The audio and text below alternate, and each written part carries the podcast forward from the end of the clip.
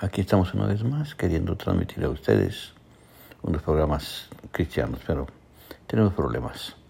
Este, yo sé que en anteriores me han escuchado bosteciando y es porque tengo una pequeña enfermedad y no me permite, no puedo dormir muy bien, nomás duermo por ratos y así me mantengo casi todo el día.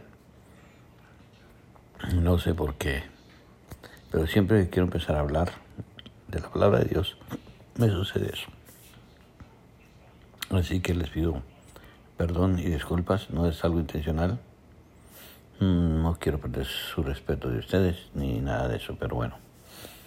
En esta vez quiero hablarles de lo que hay sinceramente en mi corazón y es el que hay tantas cosas escondidas en cada uno de nosotros, en nuestros corazones, que a veces echamos la culpa a los demás por lo que nos sucede. Y eso no tiene nada que ver. Tratamos de escaparnos en el sentido de querer culpar a alguien más por nuestros problemas.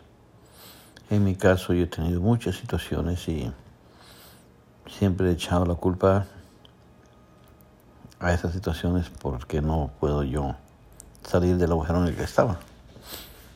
Se lleva un buen rato para mí comprender cosas y cada día aprendo nuevas cosas de la palabra. Me gusta aprender diario y siempre trato lo mejor. He estado escuchando varias predicaciones y hay unas que están muy interesantes y hay otras que son simplemente locuras. Escuché un predicador muy conocido, no voy a mencionar su nombre, porque no estoy para juzgarlo, no es mi lugar de juzgarlo, simplemente su doctrina. Él dice que el Noé fue violado por uno de sus hijos, lo que es no siquiera nada de lo que la Biblia dice. No sé de dónde sacó esa idea y por qué se pone a decir esas cosas. Lo que está haciendo es confundir a las personas. Tenemos que hablar la palabra, lo que el Señor pone en nuestro corazón, la verdad. Tenemos que seguir las doctrinas que nos ha dado, tenemos que ser obedientes. Si nosotros no somos obedientes a Él, ¿de qué nos sirve? El Señor hizo sacrificio en nuestras vidas y nos ha dado vida eterna, ¿verdad? Nos ha prometido vida eterna. ¿Y qué hacemos con la vida eterna? Quiere decir que el día que fallecemos, el día que morimos, vamos a irnos con Él a los cielos. Eso es lo que se ha dicho, se ha enseñado siempre en la Biblia. Y siempre nos dicen que el Señor ya viene, que el Señor ya viene. Y ya han pasado años. Yo ya voy a cumpliendo 60 años y escuché el Evangelio desde que tenía 18. So, hagamos cuentas. Desde entonces yo estaba escuchando que Cristo viene, que Cristo viene. No estoy dudando que viene, sé que viene, su venida ya está más cerca.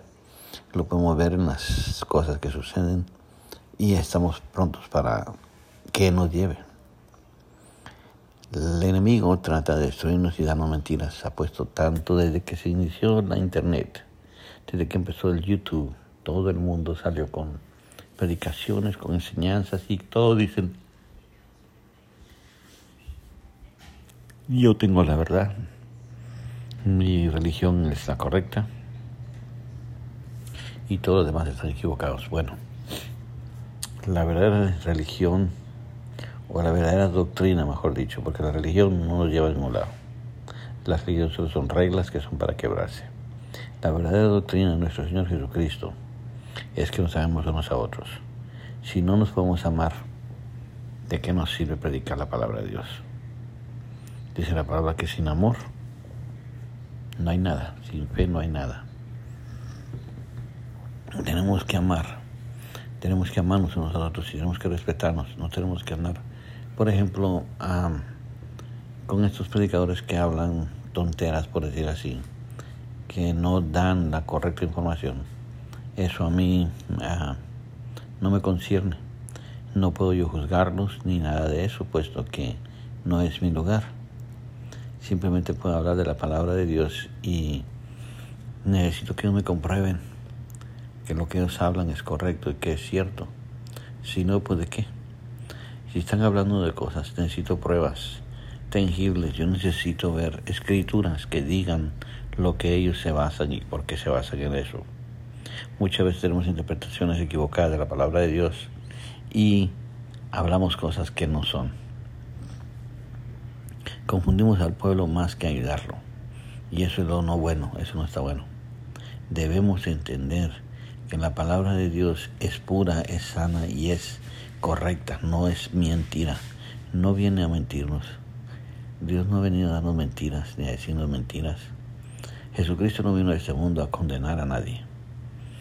Si se recuerdan en toda su vida que él estuvo aquí, en los tres años que él ministró y que anduvo por Judea, por Samaria, por Jerusalén, él siempre hizo milagros, nunca condenó a nadie. Aunque podía haberlo hecho, pero nunca lo hizo, nunca, pudo, nunca condenó a nadie, ninguna persona. Él perdonó y él les decía a todos, ve y no peques más. Eso que no da libertad, nos están a entender, ok, ya cometiste pecado, ya hiciste tus errores, ya deja de pecar más. Porque entonces, ¿de qué sirve? Dice el apóstol Pablo, eh, eh, dejaremos que la gracia abunde, que el pecado abunde, para que abunde también la gracia. No, vamos a seguir pecando para que la gracia nos perdone. No, hombre, estamos equivocados, eso no está bien. Así que reconozcamos claramente que no podemos hacer esas cosas. El estar pecando a cada rato y luego por la gracia ya eso es algo, como dándonos una libertad, no, eso no es lo que nos da a entender, nos da a entender que no puede ser ya así, ya no debemos estar así, ya no debemos de estar pecando, el pecado ya debe haberse acabado en nuestras vidas. Muchos dicen que somos pecadores y que, que vamos a seguir pecando y que Dios nos perdona por pecados del pasado, presente y futuro. Pero ¿cómo es que podemos cometer pecados si ya Jesucristo está, ya hemos aceptado su nombre, ya Él está en nosotros? ¿Cómo podemos seguir pecando? Porque no hemos hecho una relación con Él. Quizás seremos grandes predicadores, grandes evangelistas, pero no tenemos ninguna convicción completa en nuestras vidas. Por eso aún seguimos pecando. Aún seguimos nuestro pecado, porque aún Cristo no ha entrado un 100% en nosotros. ¿Cómo podemos decir que amo a mi hermano y a mi hermana, si en realidad no podemos ni siquiera decir amo a Dios si no lo podemos ver. ¿Cuántos de nosotros hemos visto a Cristo? Ninguno. Ninguno hemos visto, hemos visto a Jesucristo. Simplemente hemos escuchado y hemos escuchado las historias de Él y creímos en Él y aceptamos su, su nombre para nuestras vidas, para perdonar nuestros pecados.